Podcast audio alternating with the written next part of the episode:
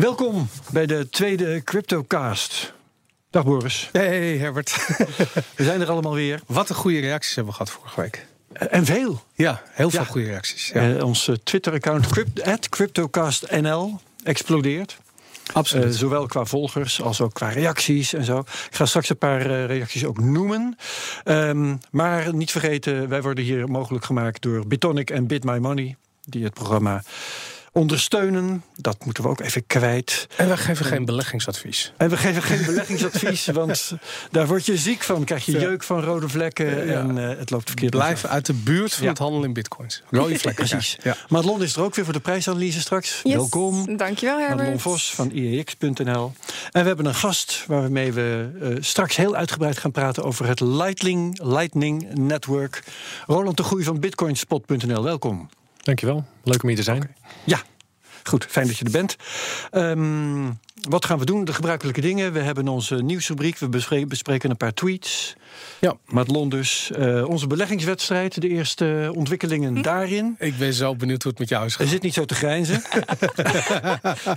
Dit als vooruitwijzing. Ja, ik weet het eigenlijk niet helemaal precies, want ik heb mijn, mijn mobieltje thuis laten liggen. Oh, wat dus ik zonde. kan het je niet eens precies vertellen. Maar dat is misschien maar goed ook. Oké. En het Lightning Network, dus daar gaan we straks meer over praten. Eerst even een paar tweets, joh. Ja. Is er eentje die jou speciaal is eh, bijgebleven? Ja, er is één tweet, eh, die was niet zozeer aan ons gericht. Maar het was eh, een van de vele crypto-figuren die, ik, die ik volg. En die kwam met het nieuws dat hij had zitten praten. Had een etentje gehad met iemand die zich bezighoudt met ja, douaneactiviteiten in Amerika. En die zei dat douaniers in Amerika ehm, tegenwoordig zoeken actief op telefoons naar cryptocurrency. En als je meer dan 10.000 dollar aan waarde mee het land inneemt, moet je dat aangeven. Doe je dat niet, dan word je daar direct voor aangeslagen. Maar eh, nou is meenemen, tussen aanhalingstekens, nogal een breed begrip Ja. in, in crypto. Ehm, maar als jij met je Blockfolio-app, waar je toevallig om je collega's eh, eh, ehm, te imponeren hebt ingevuld dat je een miljoen aan bitcoin hebt, die je helemaal niet niet waar hebt, hoeft te zijn. Wat niet per se waar hoeft te zijn. Maar je neemt die Blockfolio-app toevallig een beetje in je zak mee over de grens in Amerika. En ze pakken je ermee. Dan word je gewoon aangeslagen eh, voor die eh 999.000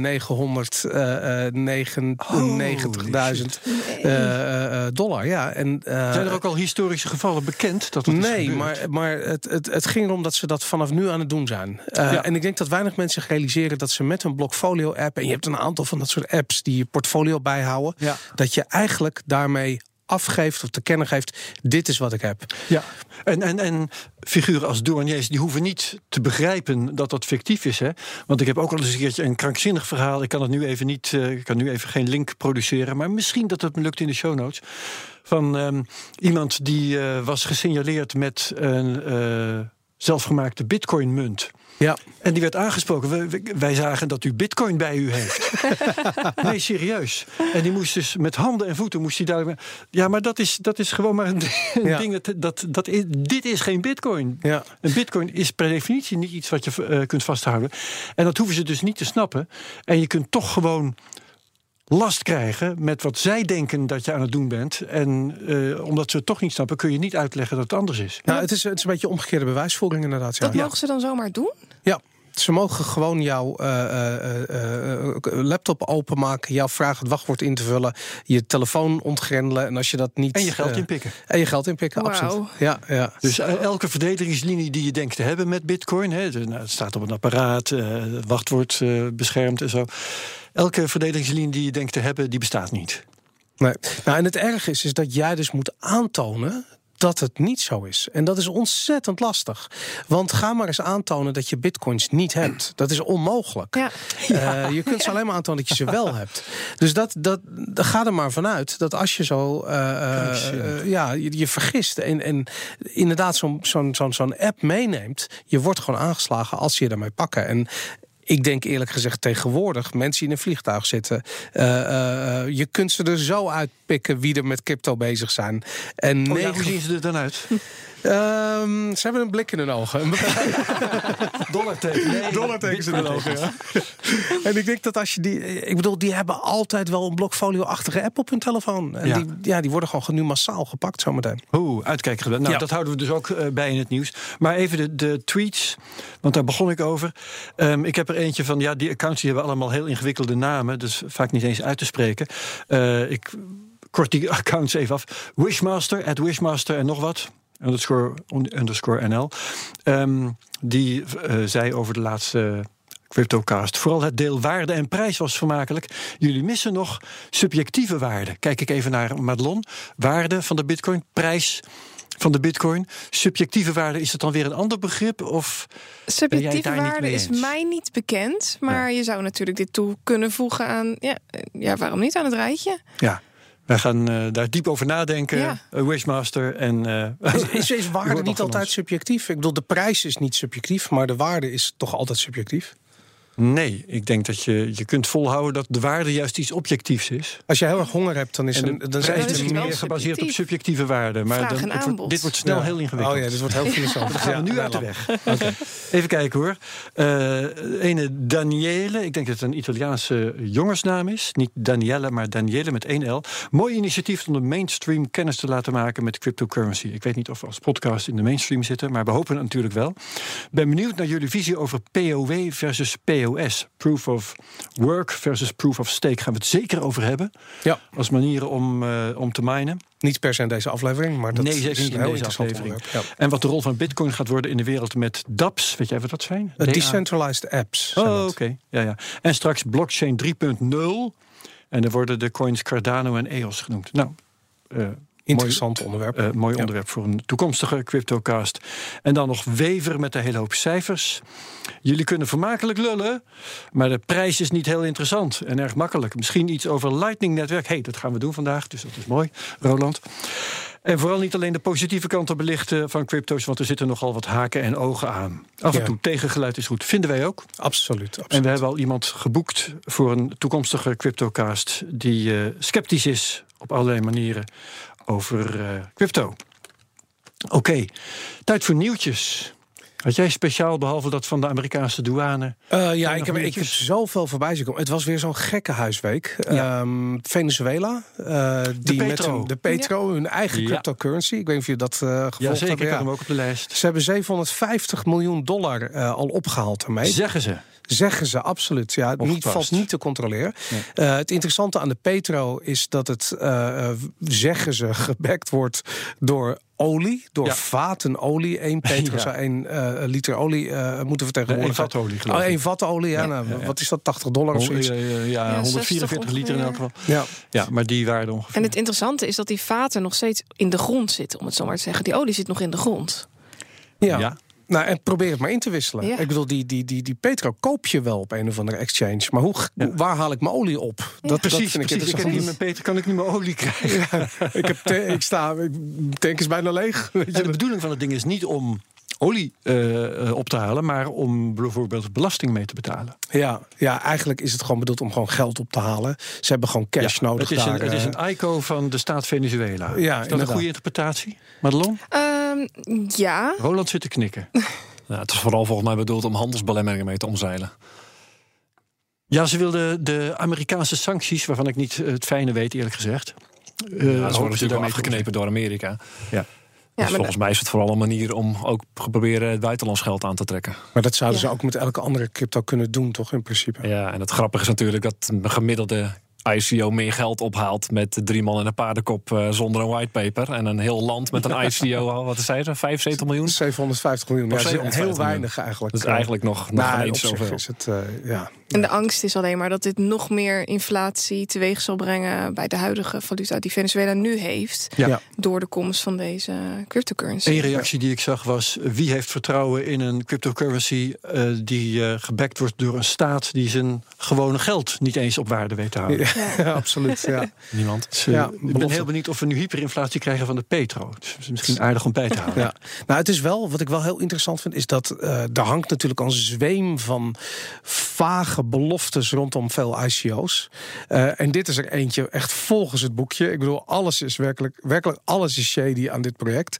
Eh, En toch, uh, mensen hebben zoiets van, ja, is allemaal leuk en aardig, maar de speculatieve waarde ervan, die is waarschijnlijk best wel interessant. Dus we kopen het gewoon, we steken er wat geld in en we kijken wat het schip eindigt.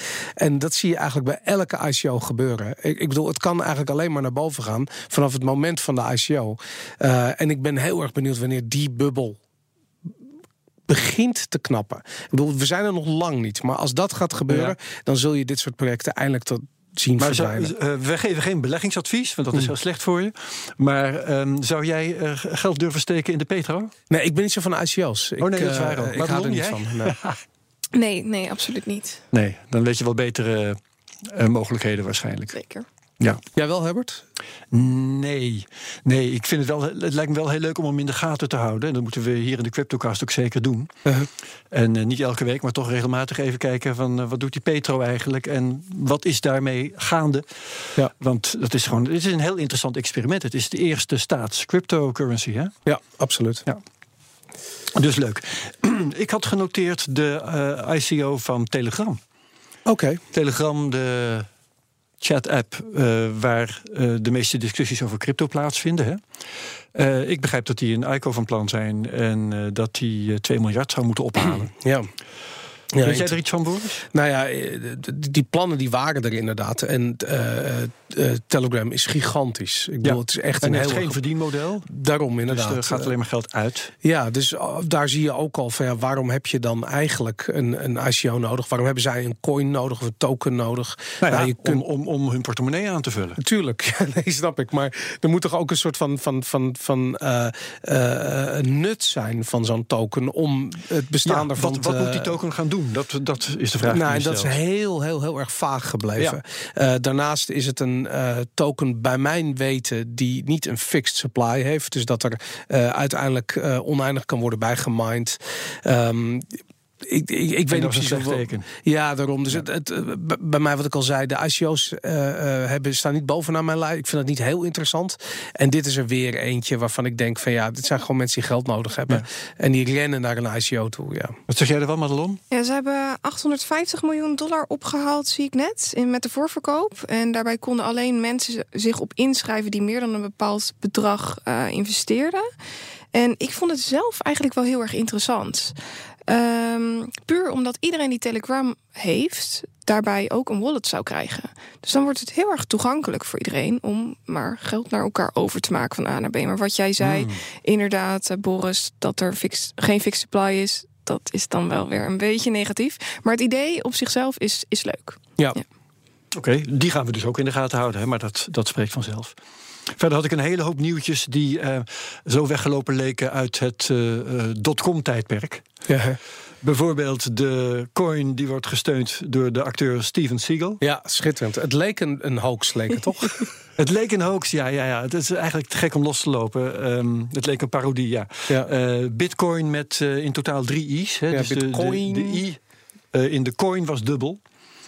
En ja, wat kun je er verder van zeggen? Het wordt uh, links en rechts belachelijk gemaakt. Ja, en, en terecht. Terecht waarschijnlijk, dus dat ja. was grappig. Uh, er was iets, oh ja, Atari um, heeft iets geroepen over dat ze iets in crypto gaan doen... en meteen gaat die koers omhoog. Ja. denk ik ook niet al te veel woorden aan Ze gaan ook een ICO doen, ja. Ze hebben geld nodig. En uh, er was een of ander, ik heb er niet, er niet eens echt in verdiept, maar uh, er was een of ander uh, trucje om geld te verdienen in cryptocurrency door het openen van e-mails. Met andere woorden, hoe krijg je mensen zo gek om de mail te openen die jij verstuurt? Als marketingbedrijf bijvoorbeeld, betaal ze ervoor. Nou, dat, dat herinner ik me gewoon uit het dotcom-tijdperk, dat dat soort onzin werd. En dat mm. wordt nu gewoon weer geprobeerd. Ja, bizar. bizar. Nou, leuk. Dus. Uh, dat is wat ik aan nieuws heb. Iemand anders nog iets? Heb jij nog een nieuws, Roland? Wat, wat is voor jou het belangrijkste crypto-nieuws van het moment? Uh, nou, ik, ik, uh, ik, vond op zich het, uh, het nieuws dat uh, Bitfinex waarschijnlijk een rekening heeft bij de ING wel erg interessant. Ja. Dat vond ik wel erg leuk om te horen. Dan is natuurlijk de vraag: staat er ook daadwerkelijk geld op? En ja, zo hoeveel dan? En hebben ze ook daadwerkelijk een dollar voor elke tether? Ja, ja, want Bitfinex en Tether zijn natuurlijk heel erg aan elkaar gelinkt. Hoewel ze dat zelf ergens nooit officieel bevestigd hebben, hebben de Paradise Papers die, uh, die link blootgelegd eigenlijk tussen die twee en Tether is de currency die gelijk moet zijn aan 1 dollar en ook gebackt zou moeten zijn ja, door, elke, en een, door 1 dollar per zijn. Ja. Absoluut. Ja, Follow the Money had een heel mooi, uh, mooie primeur. Die hadden dit artikel eigenlijk met die link naar de ING-bank toe. En het maakte ergens ook wel sens, omdat de directeur van Bitfinex, uh, tevens ook de directeur van, um, van, van het Tether, het bedrijf achter Tether, een Nederlander is. Um, die overigens heel moeilijk te traceren is.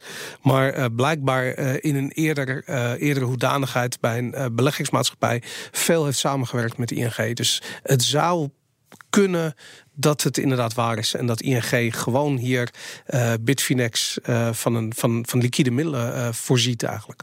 Toch, toch opmerkelijk vind ik. Maar omdat je... geeft Bitfinex toch geen geld? nou, Faciliteren hooguit hun... hun ja, we lopen een beetje erop. Kijk, de een ja. van de theorieën is natuurlijk dat uh, die, uh, die tedders die er zouden moeten zijn. Hè, en er zijn er een aantal miljard. En voor elke tedder zou 1 dollar ergens op een bankrekening moeten staan. Ja. Wat eigenlijk iedereen met een klein beetje zakelijk verstand doet. Als jij 1 dollar hebt, betekent dat waarschijnlijk dat je 2 dollar kunt lenen. Dus op het moment dat je uh, 200 miljard, ik zeg maar, ik, ik, weet niet eens of het is een paar miljard wat ze aan tedder hebben. Ja, het, ja, het liep in de miljarden. Maar goed, je hoeft ja. niet dat volledige bedrag op die rekening te hebben om het volledige bedrag te lenen en daarmee garant te staan voor het volledige bedrag. Um, ja. En als dat zo is, inderdaad, en de ING zou de bank zijn die die uh, lening uh, verstrekt, dan speelt de ING een hele dubieuze rol in de hele crypto, um, um, ja, in de crypto-wereld eigenlijk. Maar goed, ja. dat gaan we hopelijk. En ook een sleutelrol. Dan zit je eigenlijk met hun hand op de rode knop. Ja, terwijl toen ik een keertje een heel klein beetje, volgens mij 100 euro bitcoin wilde kopen met een ING-rekening, kreeg ik een waarschuwing dat het waarschijnlijk uh, fraude was. En ik had zoiets van, ja, als die, ja, die ING doet dat. 14 was dat, hè? Oh ja, ja het is al een tijdje terug. Ja. Ja, Oké, okay, ja, nou, maar belachelijk. Dus Ze zeggen dat... nu dat ze dat niet meer doen. Nou ja, dat is. Uh, Oké. Okay. Um, mooi. Volgens mij zijn we toe aan het bespreken van onze beleggingsresultaten. Ja, zijn we daar aan toegekomen? Oh, ja. maar ja, dan moet ik heel eventjes het, uh, uh, uh, mijn, mijn, mijn, mijn status erbij pakken. Ik had. Je zei net de bitcoin staat in de min. Eh, eh, ja, een beetje, maar volgens mij niet ten opzichte van vorige week. Dat zou goed kunnen. Dus het, ehm, ik heb vorige week 500 dollar gestoken in Bitcoin en 500 dollar gestoken in um, Z Classic. Ehm, voor, die Z, voor die 500 dollar had ik 3,3 13G Classic gekocht. Eh, die staat nu in de min, eh, inmiddels eh, bijna 8%. dus ik sta, dat, daar, heb ik, daar is nog 452 euro achter, of dollar 58 van over.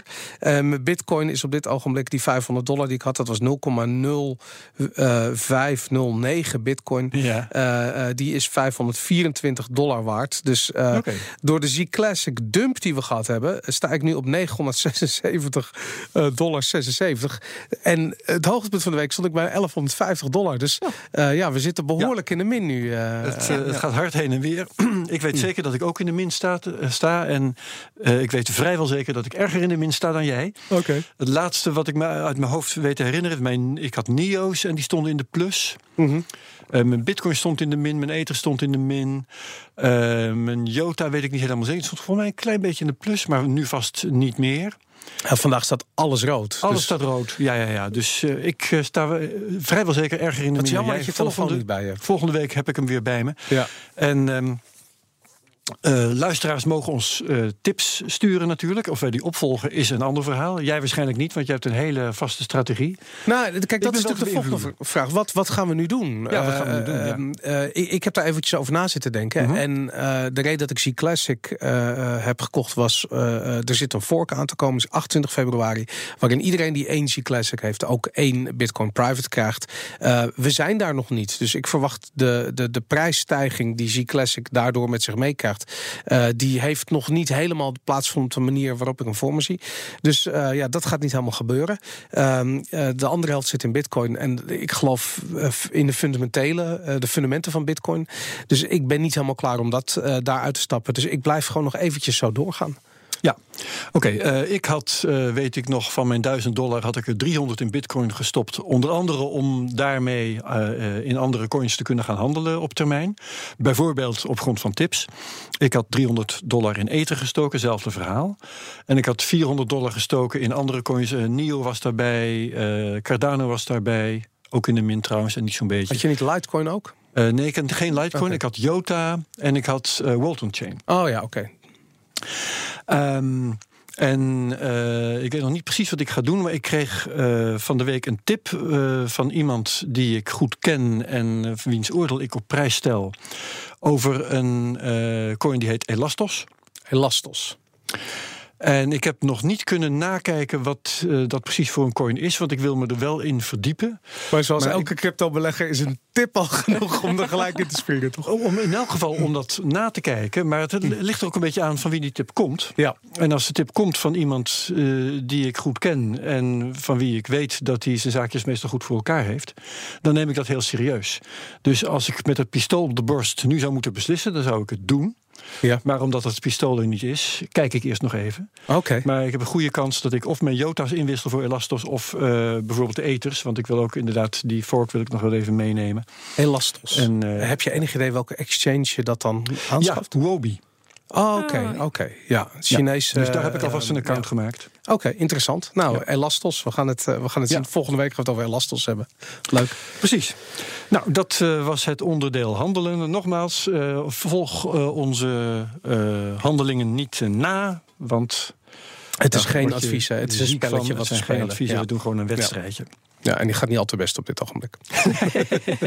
nou ja, eh, wij zitten in de min, maar daarom kan de een van ons nog wel winnen van de ander. Da- dat sowieso, ja. Dat is waar het om gaat. Ik kan minder Uiteindelijk hard komen we verliezen. liever ja. in de plus, Ja. maar eh, we spelen tegen elkaar vooral. Ja. All right. Gaan we het over Lightning hebben? We gaan het over Lightning hebben. Roland, de Ja. groei van bitcoinspot.nl. Dat ben ik. Ja, eh, vertel even iets in het kort over bitcoinspot.nl. Wat is de bedoeling van, eh, van die site? Eh, de bedoeling van de site is om serieus bezig te zijn met Bitcoin. Dus ik, eh, ja, ik doe het natuurlijk gewoon omdat ik het leuk vind. En om er geld mee te verdienen, uiteraard. Het is een hobby geweest en het is nu je broodwinning? Ja, het is een, een typische voorbeeld van een uitgeklauwen gelopen hobby. Ja. Hoeveel bezoekers hebben jullie? Nou, ik kijk meestal aan, eh, aan views. Daar ga ik meestal meer op af. Maar ik had, eh, in december had ik iets van 2 miljoen views op een gegeven moment. Oké. Dus het, eh, het is iets van vertienvoudigd sinds vorig jaar ongeveer. Dat kunnen Herbert en ik eh, alleen nog bij elkaar klikken, denk ik. De voorbereiding van de podcast. Voordat wij als CryptoCast zoveel abonnees hebben, zijn we wel een jaartje verder, denk Ja. ik zo. Maar ja, ik ben er al sinds 2011 bezig. Dus dat, eh, Ja, ja, je was er vroeg bij. Ja, dus ik heb toen in 2011 eh, heb ik eigenlijk gehoord over Bitcoin bij Max Keizer op een podcast.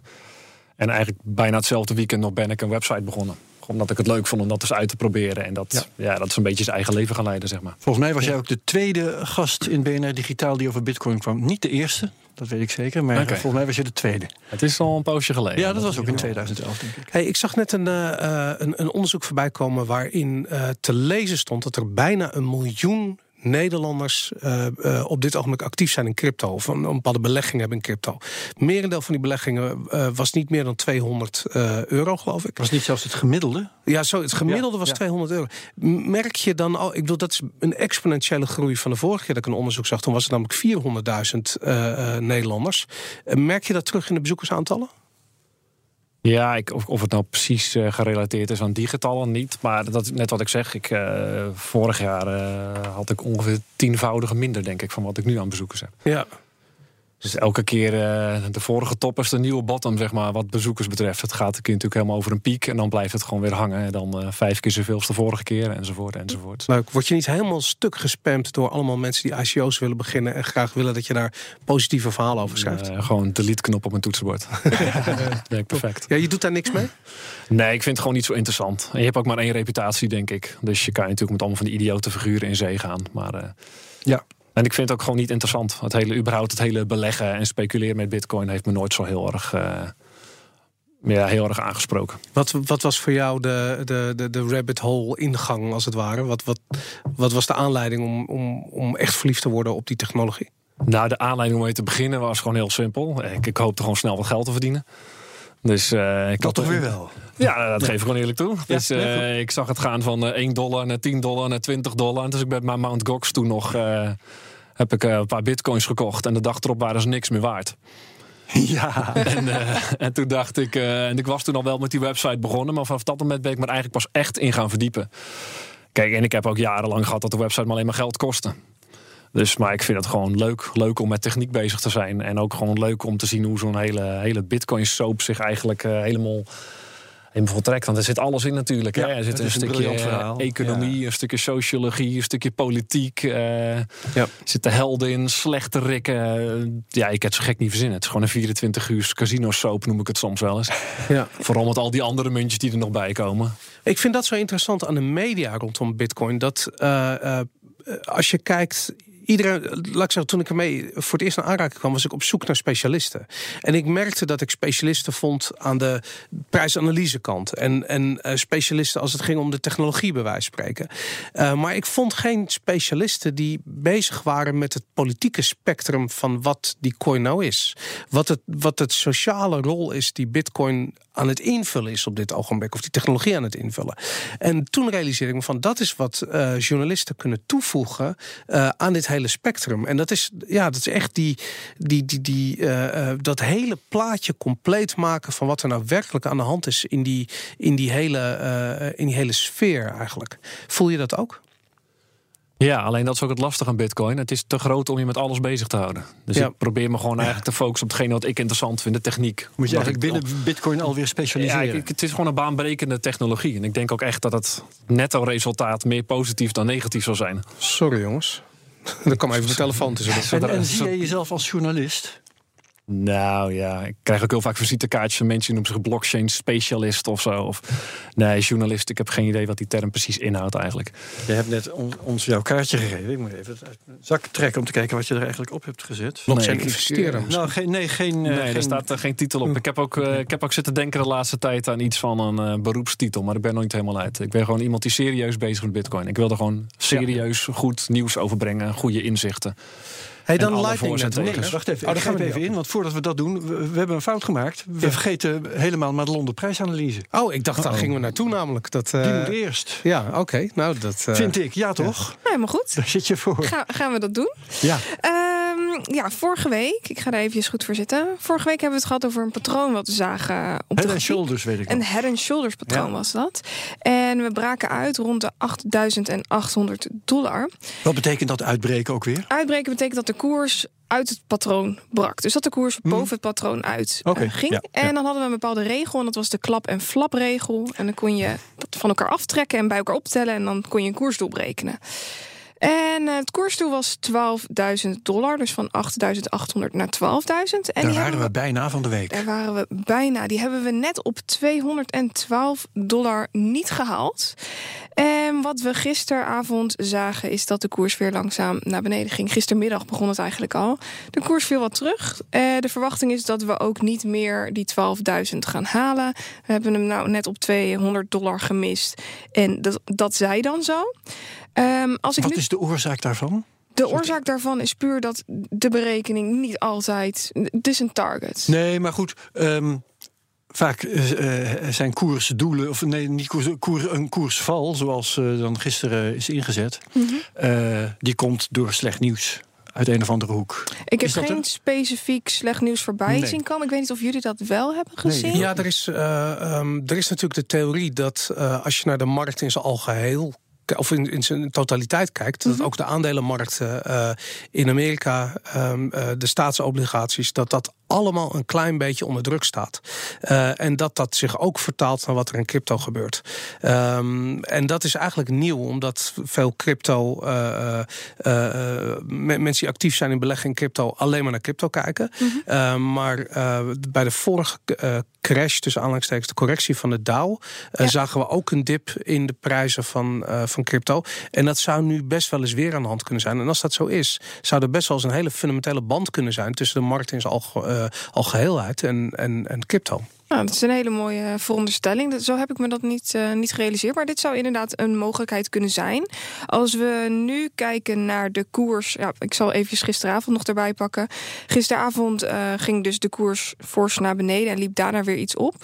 Ehm, ik heb twee moving averages gepakt, exponentiële moving averages. En dat is de 55 en de 200. Die hadden een heel mooi steunpunt. Ehm, en daar heeft de grafiek even op gebounced. Dus we gingen iets naar beneden en daarna kwamen we weer iets terug. En toen was de verwachting ineens hoopvol. Toch niet. We zijn nu op dit moment onder de moving average van de 55 en de 200 aan het gaan. En dan zou ik zeggen, dit is een negatief signaal.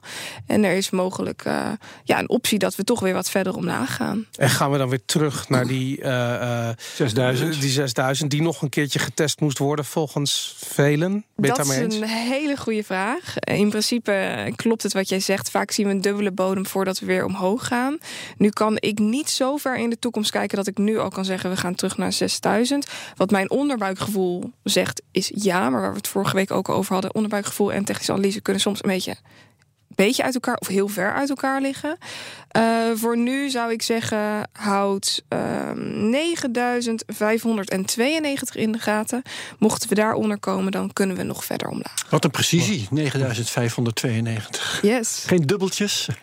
nee. Nou ja, oh, oh wel? Eh 50 cent. Oké, die gaan we in de gaten houden. Ja, dus eh, dan eh, praten we daar volgende week weer eh, over verder. Of had je nog doen. dingen aan te vullen, Nee, dit op was te het. merken? Eh, ja, ja, nog één ding. Eh, de prijsanalyse die ik vanochtend online heb gezet, die kun je even bekijken op IEX. Mocht je wat extra informatie willen. Ja, moeten we een eh, link eh, geven in de show notes? Gaan hebben we dat vorige week, vorige week ook gedaan. Ja. Hebben we ook gedaan. Oké, Ja, goed. ja. Dat, eh, Ja, Madelon heeft een, eh, eh, eh, letterlijk een analyse, TradingView, kaarten erbij, alles eh, die je kunt terugkijken op iex.nl. Ja. Ja.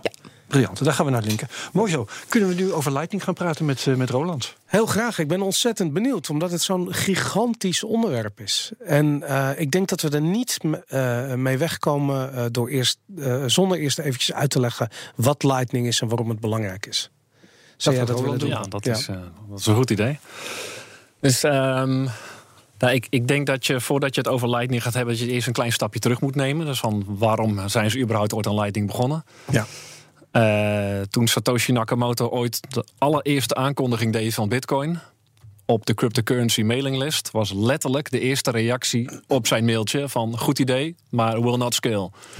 Wauw. Want het is een fantastisch project, maar hou je er wel rekening mee dat iedereen in de toekomst alle betalingen van iedereen tot in de eeuwigheid op zijn computer moet gaan lopen opslaan. Wie, wie eh, gaf die eerste reactie die zo to the point was? Eh, een zeker eh, onbekende meneer. Ik, ik- weet de naam nee. niet even, maar het is geen, eh, het is geen eh, crypto OG, zoals ze dat tegenwoordig zouden noemen, of iets dergelijks. Dus dat was natuurlijk op zich een, een, een goede constatering. Van, eh, maar ja, sommige dingen die gedoemd lijken, werken soms toch. Zie Bitcoin. En de eerste jaren van Bitcoin heeft dat natuurlijk niet zo heel erg veel uitgemaakt dat alle transacties op de blockchain kwamen. Nee. Want niet zo heel veel mensen gebruikten het. En zo'n blockchain, ja, die wordt wel groot, maar de mate waarin je harddisks groter worden, die groeit nog veel sneller. Wat is dan de gedachte van Lightning? Hoe voegt dat eh, iets toe aan de eh, transacties zoals we die kennen van Bitcoin? Ehm, nou, het mooie van Lightning is, dus om weer terug te komen op het feit dat nu in principe alle transacties opgeslagen worden op de blockchain, is dat Lightning Network die gaat ervoor zorgen dat de meeste transacties, zoals we het noemen, off-chain komen. Dus eh, nog maar een klein gedeelte van de transacties zal daadwerkelijk vastgelegd worden in de blockchain. Kan ik dat zien als een extra laag bovenop het Bitcoin blockchain netwerk? Ja. Ehm, wat eigenlijk weer zijn eigen ehm, infrastructuur nodig heeft. Dus ook zijn eigen nodes. Een node is een, een, node is een punt eh, wat transacties faciliteert, eigenlijk doorstuurt. Ja, ik, ik, zie, ik zie een node dan meestal gewoon heel simpel als iemand die de Lightning software draait. Een entiteit of een persoon bijvoorbeeld. Ja. Dus het legt eigenlijk een laag bovenop Bitcoin en dat gebruikt Bitcoin als anker. Dus zeg maar net als dat je misschien eh, in vergelijking eh, euro's hebt. En dan vroeger was dat dan gebaseerd op goud dat ergens in de kluis lag. Zo gaat het Lightning Network ook aan de slag. En dan met een Bitcoin als, eh, als ankerpunt. En soms ook als soort van scheidsrechter als het niet goed gaat. En waarom schaalt dat wel dan? Nou, dat schaalt beter omdat dus niet alle transacties eh, op de blockchain vastgelegd moeten worden. En maar maar ruimte- uiteindelijk zijn het wel transacties, toch? Dus dan is het eh, eh, Lightning Network toch op een gegeven moment ook overbelast? Uh, nou, misschien is het handig als ik een heel klein beetje uitleg hoe het werkt. Dan Ja. komt dat denk ik vanzelf wel tevoorschijn.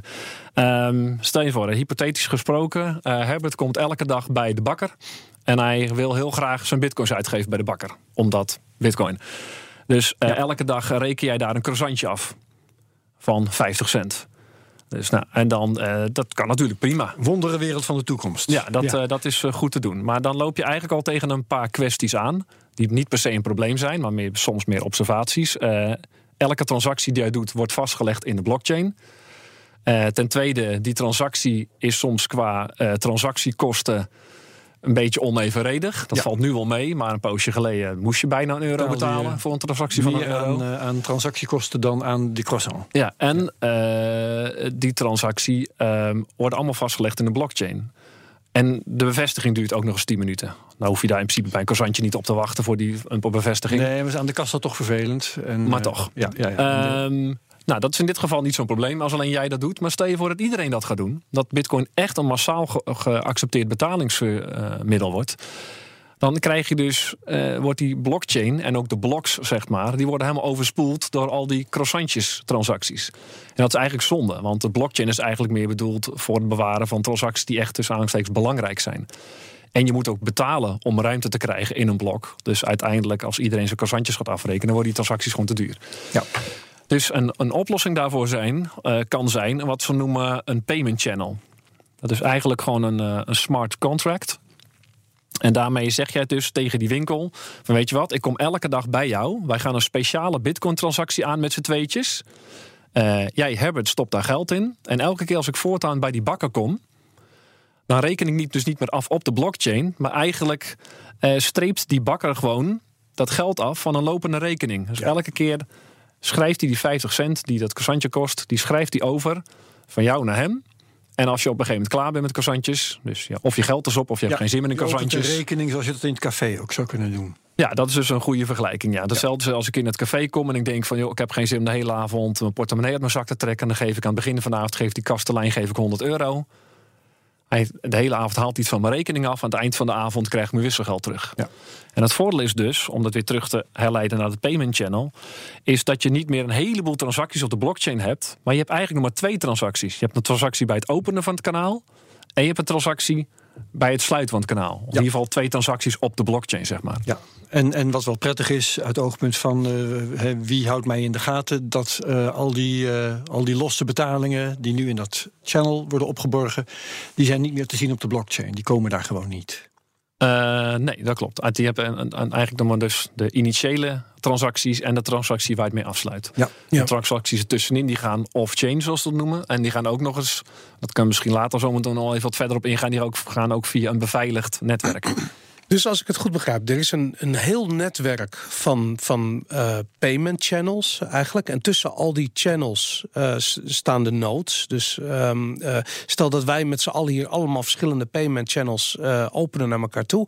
Dan kan de hele wereld daar gebruik van maken op het moment dat ze naar een van ons geld zouden willen Ja, want overmaken. het, het, het mooie, want Roland heeft een prachtig stuk geschreven op bitcoinspot.nl, waar we ook naar gaan linken. Het, het, het mooie van het verhaal vind ik dat het eh, niet alleen tussen twee personen mogelijk is, maar ook tussen drie personen. Ja. eh, die dan met z'n drieën transacties kunnen.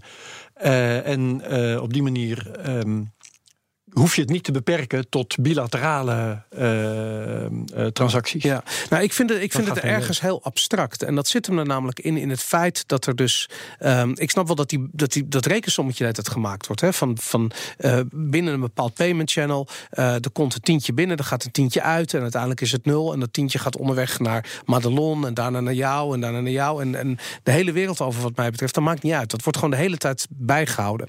Maar aan het eind van de rit, ergens wil je een keertje je kanaal eh, sluiten of een nieuw kanaal openen. En dat betekent dat je daar geld eh, eh, in moet zetten. En een van de kritiekpunten die ik wel eens gehoord heb, is dat ehm, mensen met veel geld, of instellingen met veel geld, of banken of wat dan ook, ehm, heel makkelijk veel geld kunnen steken in het openen van payment channels. ehm, om vervolgens eigenlijk die hele infrastructuur naar zich toe te trekken. Want een grote, goed gefunde payment channel blijft lang bestaan, wordt niet gelijk opgegeven. Je zal allemaal soort van eigenschappen waarschijnlijk aan kunnen toekennen. Ehm, dus is zekerder. Dus um, ik, ik, weet dat jij dat ook in jouw artikel betitelt als een klein beetje conspiracy.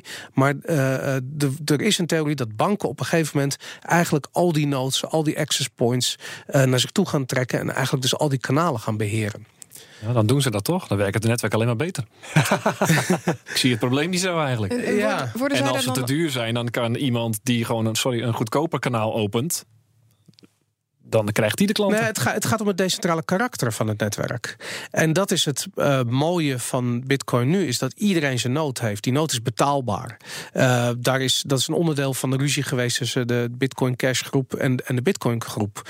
Um, als je dat zometeen kwijt bent bij dat Lightning Network. en je zult zien dat een aantal grote uh, instellingen uh, het volledige betalingsnetwerk domineren. wat nu in de reguliere banksector ook het geval is. dan krijgen we dus een kopie van wat we nu al hebben. Ja, maar ze moeten nog steeds spelen volgens de regels van het netwerk. Ja. Dus als zij ervoor kiezen om er heel veel geld tegenaan te gooien... om dat netwerk beter en sneller te laten werken, ja, be my guest. En Madelon had een punt. Ja, ik vroeg me af, wordt de bank daar dan ook beter van? Stel dat we die hele conspiracy theory zouden geloven... Um, nog los van of het waar is... krijgt een bank daar dan ook iets voor terug... als zij die transacties faciliteren voor ons? Nou, voor zover ik weet krijg je er dus hele kleine bedragen voor terug. Ja. Voor als jij zeg maar uh, verkeer routeert via jouw node, dan krijg je een heel klein beloningje voor terug. Want los van de banken, dan zou het dus ook kunnen betekenen dat iedereen die veel bitcoins bezit, want je moet wel een aantal bitcoins hebben om überhaupt een payment channel op te kunnen starten. Want kijk, met een croissantje, dan zouden we zelf nog wel een payment channel kunnen maken. Maar als het gaat om grote bedragen, om, om wijze van spreken een huis, of noem het maar op, dan wordt het een beetje lastig. Maar dan zou het dus zijn dat ook grote uh, partijen die nu veel bitcoins bezitten, dat die daardoor alleen maar beter worden? Of zie ik dat dan verkeerd? Ja, maar dat is denk ik, uh, daarvoor is het, uh, het Lightning Network denk ik niet echt bedoeld. Bitcoin is zeg maar meer digitaal goud. Mm -hmm. En Lightning Network is meer de lager bovenop. Want als jij een huis koopt, waarom zou je dan eigenlijk het Lightning Network gebruiken? Ja. Want dan ja. hoeft het niet per se anoniem te zijn of snel of wat dan ook. Dan ja. wil je juist dat het vastgelegd wordt in de blockchain. Dus, dat is waar. Uh, dat is ook wel een van de punten die ze aangeven. In principe al het geld wat in een Lightning Network kanaal zit, dat is, zit in een soort van hot wallet. Dus jouw private keys, dus de sleutels die je toegang geeft tot je bitcoin, die staan ook, nou niet per se online, maar die zijn wel beter bereikbaar. Nee, er, is, er is één reden waarom je dat wel zou willen. En dat is namelijk de, um, de de, de, anonimiteit. Het is je bent niet helemaal anoniem, maar in ieder geval transacties zijn minder transparant dan op, het, uh, op de uh, Bitcoin mainnet. Um, dus stel je voor dat je een transactie wil doen die je, ja, waarvan je niet wil dat iedereen kan meekijken, dan zou dat waarschijnlijk een wat grotere transactie zijn, financieel gezien. Um, en die ga je dan op het Lightning-netwerk doen, gewoon omdat je de privacy-eigenschappen belangrijk vindt. Ja, kijk, als iemand het wil gebruiken voor illegale doeleinden, be my guest. Maar ja, als, als het dan misgaat... Je hebt andere mogelijkheden ja, ook. Het, het, zijn natuurlijk heel, ja, het zijn, ook hele uitzonderingen, denk ik, waar we het over hebben. Ja, ja dat kan, kan natuurlijk. Wie is op dit moment uh, bezig dat Lightning Network te maken? Wie werken daaraan eigenlijk? Uh, nou, ik denk de grootste drie partijen, zo even uit mijn hoofd, zijn uh, Blockstream. Die hebben hun een eigen implementatie, uh, Async en Lightning Labs. En Lightning Labs is dan de partij waar de mensen zitten die eigenlijk oorspronkelijk het Lightning Network eigenlijk eh, bedacht hebben. Ja. Maar die werken wel samen. Het is allemaal met elkaar compatibel wat ze. Nou, ze hebben. Uh, ze zijn ooit begonnen aan Bolt. Vond ik wel een leuke opmerking van Andreas Antonopoulos. Deed tegenwoordig een backronym. Dus je verzint eerst het acroniem en later verzin je de woorden die erbij horen. ja. Ik dacht dat het altijd zo ging. Dat is super grappig. Uh, en uh, dat BOLT, dat staat voor Basics of Lightning Technology. Oké. En dan uh, in principe moeten al die uh, clients moeten daaraan voldoen, aan die voorwaarden. En daardoor kunnen dus al die implementaties met elkaar kletsen. Ja, dus een soort standaard. Ja, dus het mooie is op zich dat er verschillende partijen mee bezig zijn. Maar die werken toch allemaal volgens dezelfde standaarden. Ja. Beetje hetzelfde als webbrowsers nu doen.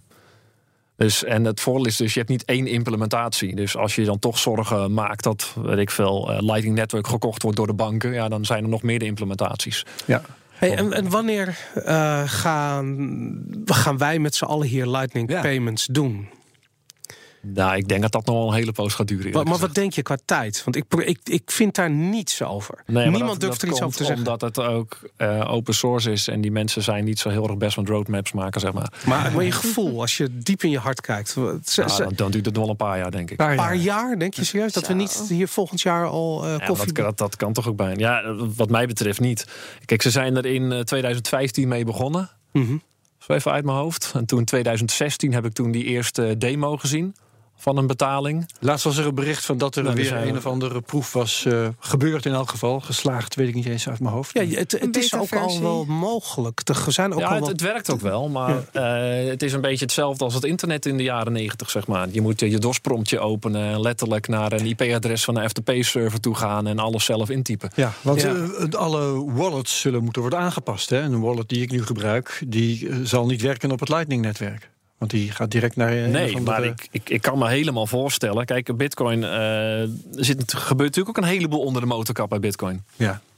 En ehm, het lijkt mij, denk ik, eh, dat je dan straks een wallet krijgt die gewoon zegt van joh, wil je een eh, Lightning transactie uitvoeren of wil je er een op de main chain doen? Dus op het Bitcoin netwerk zelf. Dat je daar gewoon een paar knopjes voor hebt. En als je eenmaal op het Lightning netwerk zit, dat je gewoon een knopje Ja, met dat verzenden wallet kan kiezen van, ik, kies, ik ga nu een huis kopen, dus ik doe het even direct op het blockchain. En ik ga nu croissants kopen, dus ik kies voor eh, het Lightning-netwerk. Ja, dat, dat, dat lijkt mij niet, eh, niet, niet geheel vreemd. Ik, ik zie de afgelopen, eh, zeker de afgelopen twaalf maanden, een gigantische toename in de hype rondom alles wat met Bitcoin en blockchain te maken heeft. Eh, ik weet, ik, ik, ik ken wat mensen die werken bij grote banken. Daar hebben ze hele afdelingen ingericht voor blockchain-programmeurs die niet weten wat ze moeten doen, overigens, maar daar gewoon zitten, werken aan projecten die ze zelf mogen verzinnen. Ehm, ik kan me voorstellen dat de hype rondom Lightning, die nu echt aan het ontstaan is, er misschien voor gaat zorgen dat we veel eerder die toepassingen krijgen dan, eh, dan een aantal jaar. Nee, dat, dat zou zomaar kunnen. Maar ik, eh, ook ik doe maar een gokje. Ja. Kijk, als ik gewoon zie hoe lang ze er nu al mee bezig zijn. En als je een beetje ziet in welke status het nu is. Want eigenlijk hebben ze nog, nog niks uitgebracht, hè, überhaupt. Om voor mensen om te gebruiken. Je hebt gelukkig wel gewoon een command line optie waar je kan zeggen van eh, netwerk is mainnet. Dus je kan het redelijk vlot op het Bitcoin netwerk draaien. Ik draai zelf ook een Lightning node thuis. Gewoon om een beetje mee het gevoel ervoor te krijgen. Kun, kun je mij uitleggen hoe ik dat moet installeren? Ik wil dat ook namelijk. Het, het lijkt me zo vet om een Lightning node het is thuis niet te. Het is niet verschrikkelijk ingewikkeld. Nee? Nee, dat Oh, dus Maar maar misschien mee. meer iets voor straks eh, na de Ja, daar gaan we zo even over doorpraten. Dat, eh, leuk, ja. ja. Ja, en, en ehm, eh, luisteraars die het ook van Roland willen horen, die kunnen misschien eh, via bitcoinsport.nl jou eh, raadplegen. Dat je het. Jij, gaat Ja, het dat, va- eh, jij gaat het vast gewoon op de site zetten. Hoe je je eigen Lightning node moet draaien, of niet? Nou ja, aan de ene kant lijkt me dat wel leuk. En aan de andere kant denk ik vaak van als je niet weet hoe het werkt, misschien moet je er dan maar gewoon niet aan beginnen. Oké, dat Want kan ik, ook, ik ja. ben er ook niet zo heel erg van om dan dingen aan mensen uit te gaan leggen. Eh, afgezien van het feit dat ik, ik er überhaupt zelf nog niet helemaal 100% begrijp hoe je het moet installeren. Het is voor mij ook gewoon een beetje uitvogelen. Mhm. Maar het werkt. Ja. Dus ik, eh, maar ik, ja, het kan bij niet missen dat ik het vandaag morgen wel Ja. een keer. Ik Ja. heb een, vra- een vraag over, over veiligheid en zo. Want eh, de blockchain is de ruggengraat van het eh, Bitcoin gebeuren. eh, garandeert de veiligheid, de, de integriteit van transacties en zo. Ehm, op het Lightning-netwerk hou je je transacties dan buiten de blockchain. Hoe wordt dan geregeld dat die transacties toch gewoon duidelijk zijn en veilig en eh, niet bijvoorbeeld teruggenomen kunnen worden of verkeerd kunnen aankomen of wat dan ook?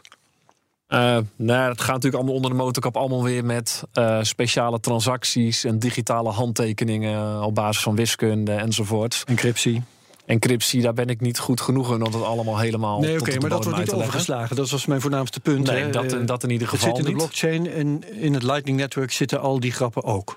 Ja, dat klopt. En net wat ik zei, op het moment dat het fout gaat, dan kan je dus eigenlijk terug naar de blockchain. En dan kan je dus bewijzen dat jij gelijk hebt en de andere partij niet. Ja. Kijk, eigenlijk heel in het kort, als je met z'n twee een, een kanaal openzet, dus een payment channel, op, op elk moment dat jij eh, een betaling van en naar elkaar doet, dan komt er eigenlijk een nieuwe versie van het betalingskanaal tevoorschijn. En als iemand jou dus eigenlijk wil foppen, door te zeggen van, nou weet je wat, ik heb die gozer net eh 10 bitcoin betaald. Maar ik ga nu gewoon even terug naar de vorige versie van het kanaal. En ik betaal mezelf die 10 bitcoins uit. Dan kan de andere partij zeggen van, oh wacht even. Ik heb de nieuwere versie van het kanaal, dat kan ik bewijzen. Dus ik ben de eigenaar van die bitcoins. En dan krijg je dus alles. Dus eigenlijk als je vals speelt, dan ben je alles kwijt. Dus dat is op zich wel, eh, wel een interessant gegeven. Ja.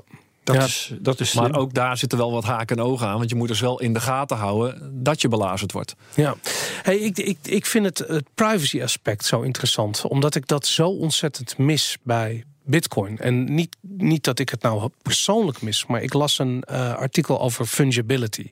En dat is een Engelse term die eigenlijk eh, eh, omschrijft dat de ene Bitcoin niet te onderscheiden zou moeten zijn van de andere.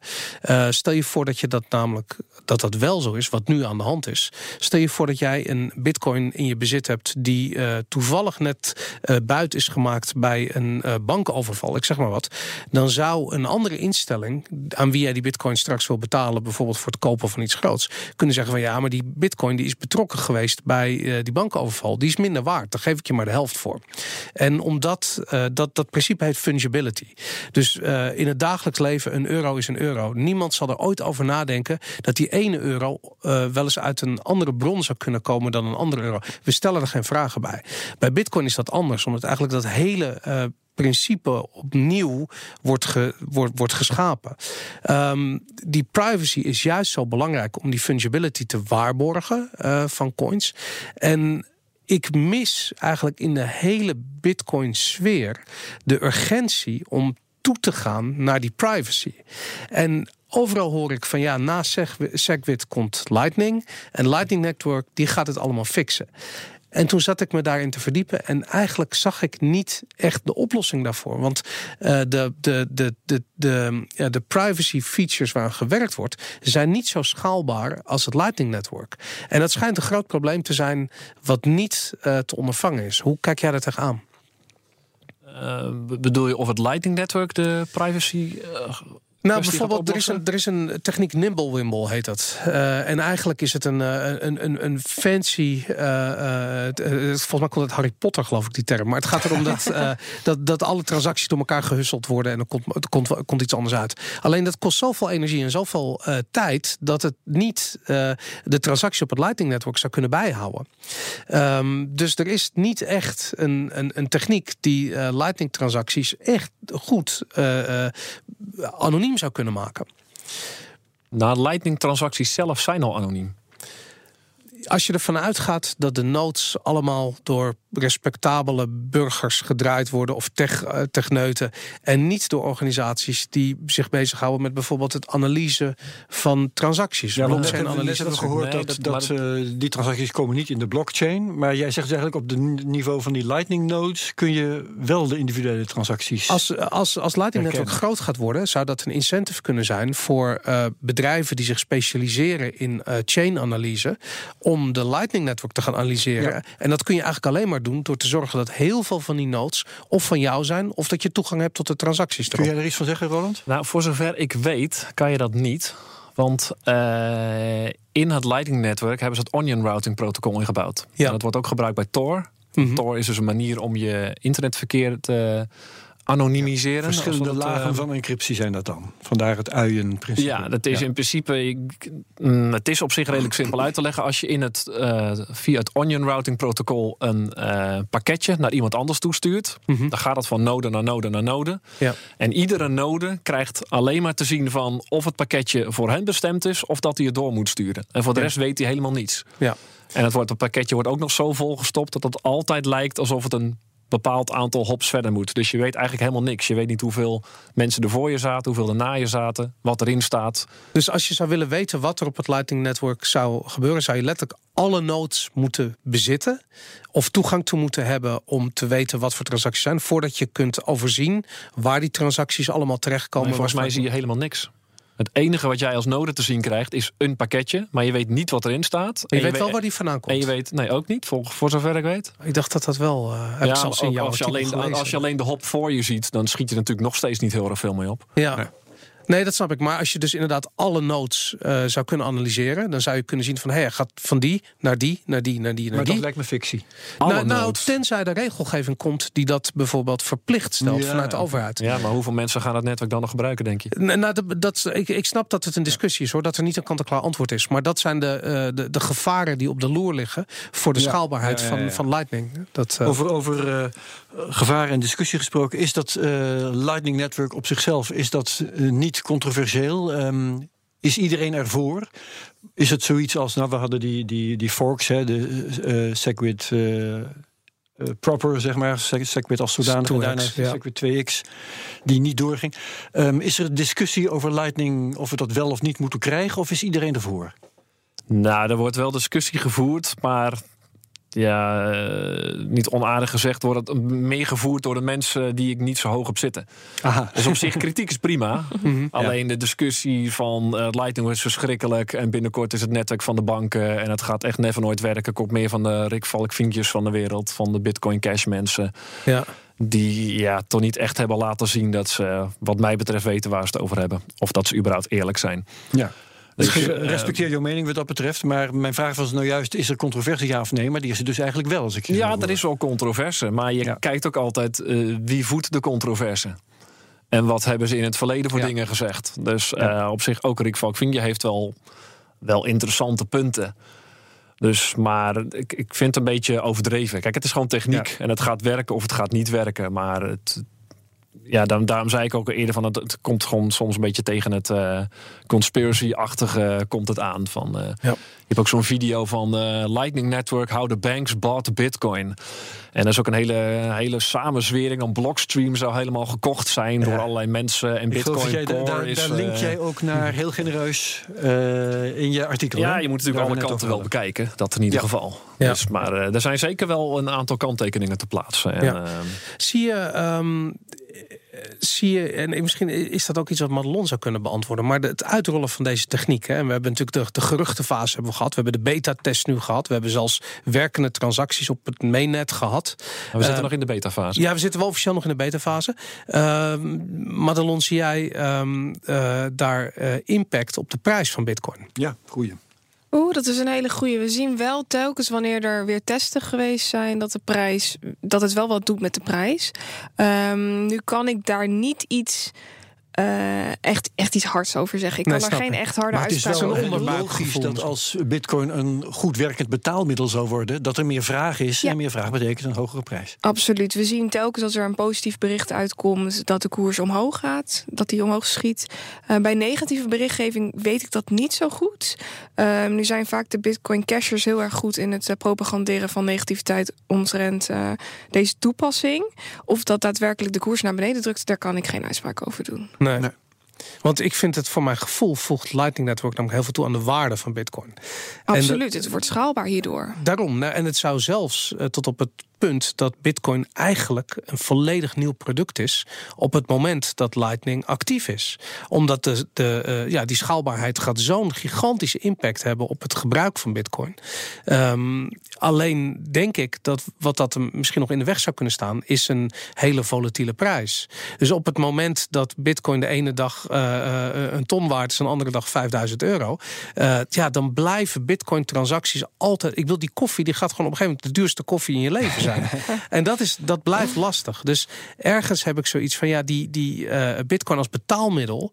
Uh, ik zie het absoluut gebeuren, maar echt pas op het moment... dat die volatiliteit een klein beetje weg hebt. Uh, Roland, hoe kijk jij daar tegenaan? Volatiliteit bedoel je? Ja, als, als, als factor in uh, het gebruik van bitcoin als betaalmiddel. Ik, ik, gooi er even de vraag overheen die, die ik had staan, want het sluit heel mooi op elkaar ja. aan. Want mijn vraag was eigenlijk, iets als Lightning lijkt, is volgens mij noodzakelijk om die schaalbaarheid te krijgen en, en om van bitcoin een betaalmiddel uh, te maken. Maar is het ook genoeg? Wat is er nog meer nodig? En had ik die volatiliteit inderdaad genoteerd. Uh -huh. Moet die volatiliteit niet ophouden? Wil... Uh, uh, bitcoin kunnen werken als betaalmiddel. En uh, nou ja, uh, bekendheid, beschikbaarheid van alternatieven. Wat hebben we nodig behalve Lightning om dat betaalmiddel te krijgen? Nou, Lightning is niet per se, zeg maar, per se nodig om te schalen. Je kan op een heleboel andere manieren kan je schalen. Je kan hm. ook schalen op exchanges, bijvoorbeeld, wat je nu al ziet gebeuren. Ja. dat maakt het niet per se decentraal, maar dat kan wel. je krijgt ook sidechains Bijvoorbeeld zijn ze heel erg druk mee bezig.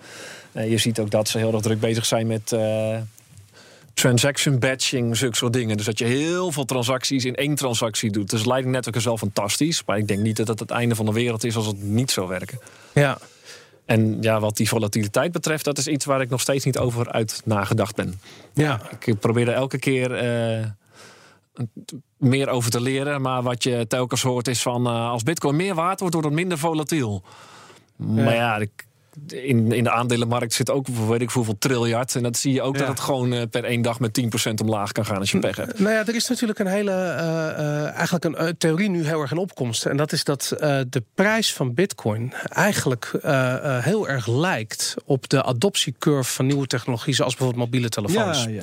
En die, die S-curve, dus in het begin zijn er weinig mensen die het gebruiken en dus is de prijs laag. Dan zien we een hele steile beweging naar boven toe. Dat is eigenlijk dat is vorig jaar begonnen. Eh, en dan vlakt dat weer af op het moment dat we eigenlijk eh, eh, 80 of 85 procent van de mensheid eh, eh, als gebruikers aan boord hebben van, van Bitcoin. En dan zal, ik wil de, wat de prijs dan ook mogen zijn van Bitcoin, maar die zal in ieder geval wat stabieler blijven. En als jij zegt van ja, Lightning Network gaat echt pas over een paar jaar eh, echt actief gebruikt worden, dat zou best wel eens kunnen samenvallen met die laatste fase van die adoptiecurve.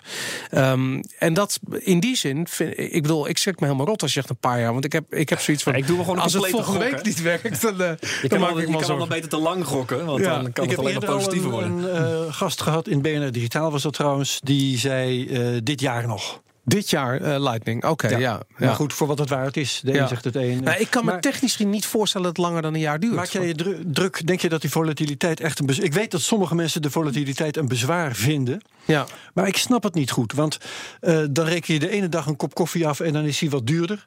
Hè, dat, laat dat 10, 20, 30 procent op een dag schelen. Omdat je en de andere keer is hij wat goedkoper. Dat valt toch tegen elkaar weg? Nee, omdat het, het gaat niet dat hij goedkoper of duurder is. Het is dat als je erop terugkijkt, Ja. wat de rest van je leven duurt, heb je een kop koffie van een miljoen gekocht. Ja, ja, ja. En zeker. dat, dat is het probleem. Ik bedoel, als jij in 2011 eh, een bitcoin hebt gekocht voor 2 euro en ik koop daar één kop koffie voor, dat is een kop koffie van nu pak hem bij 10.000 euro. Ja. En dat, dat blijft een verhaal. Maar dat is geen volatiliteit, dat is stijging in, in waarde, in prijs. Eh, nou ja, de andere kant werkt ook. Mensen die, die eind december bij wijze van Ja, spreken dat een volledige ook. bitcoin hebben gekocht voor 17.000 euro. eh, eh, die hebben eventjes heel eh, eh, erg diep Ja. in de spiegel moeten kijken toen die nog maar 6.000 Maar dit is wel was. een iets ander probleem dan, eh, dan het Lightning-netwerk. Ja, behalve dat het, dat het eh, uitgaven met bitcoin in de weg staat.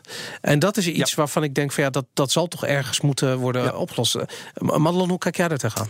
Ehm, ja, daar heb ik al een keer eerder wat over gezegd. Nu moet ik even terughalen wat ik toen ook weer vond. Dat vond ik ook weer. Eh, ja, ik denk dat ik toen heb gezegd dat rond 100.000 dat we daar wel een. eh, kijk, hoe meer geld er natuurlijk naartoe gaat, hoe meer geld Hoe het. logger het wordt. Precies, hoe meer geld er voor nodig is om die koers eh 1 dollar omhoog Ja. of 1 dollar naar beneden te krijgen. Dus ehm, rond de 100.000 zou ik persoonlijk wel heel erg fijn vinden als dan de bitcoin lekker stabiel wordt. En dat we ja, dan fijn lekker met vinden, maar verwacht je het ook? Nou, in Kun eerste instantie dacht ik. Ja, in eerste instantie dacht ik, ja, weet je, 100.000, dat, dat, dat moet het wel zijn. Dan heeft iedereen zo'n euforisch gevoel van, nou, nu kunnen we wel Nu uit gaan er, geven. ja. Nu zijn we er, nu kunnen we dingen gaan kopen. Het kan best zijn dat, dat het nog een heel stuk verder omhoog gaat. Ja. Hoe dichter je bij die 100.000 komt, hoe meer je denkt, nou, misschien gaan we nog wel gewoon Ja, door. Boris denkt meer aan een miljoen volgens mij. Ik, ik, ik, wou, dat- ik wou dat ik bitcoin had, dat dat, dat dat gebeurde. Op dat moment kan er niet op wachten. Maar eh, als ik, ik zie allemaal van die, van die statistiekjes voorbij komen... dat ik denk van ja, weet je, ik vond het idee dat bitcoin 10.000 euro waard zijn... vond ik ook volledig Ja, krankzinnig. En toen waren we daar en toen had ik zoiets van... oh ja, is dit het nou, weet je? Laten we maar doorgaan. verder, en dat, ja. ja. Roland de Groei, eh, slotwoorden over Lightning. Ja, veelbelovend, maar het laatste woord is er nog lang niet over gezegd. Ik, eh, ik denk dat het, eh, het ontwikkelen van langer duurt dan je denkt. Maar als het moment er eenmaal is, denk je, goh, zijn we er nou al? Ja, Zo gaat het meestal, net zoals op vakantie gaat. Het lijkt heel lang te duren als je er naartoe werkt. En als je er eenmaal bent, dan denk je zo. dat ging snel. het Dus, is nu nog eh, één of twee of drie jaar, wat zal het zijn? Maar daarna hebben we nog veel meer jaren om er eh, ja, en er zijn te best wel een hoop uitdagingen nog hoor. Dus Ja. ik denk dat het niet, nooit een goed idee is om ergens al je geld op in te zetten. En daarom is het ook goed natuurlijk dat Bitcoin gewoon decentraal ontwikkeld wordt. Want we zijn al met veel meer andere dingen bezig op de achtergrond. Ja, Ja, Maar het is zeker, eh, zeker heel interessant om in de gaten te houden. Nooit gebrek aan stof. Boris, jij nog wat? Nee, ik niet. Ik Oké. eh, verheug me nu alweer op, eh, op onze wedstrijd volgende week eigenlijk. En op de hele CryptoCast van volgende week. Ik dank Roland de Groei van bitcoinspot.nl. Madelon Vos bedankt. Dankjewel, Herbert. Onze ondersteunende bedrijven Bitonic en BitMyMoney ook bedankt. Boris van der Ven. En jij bedankt, Game Herbert. Kings bedankt. En ik zelf ook bedankt. Dit was de tweede CryptoCast. Tot de volgende week.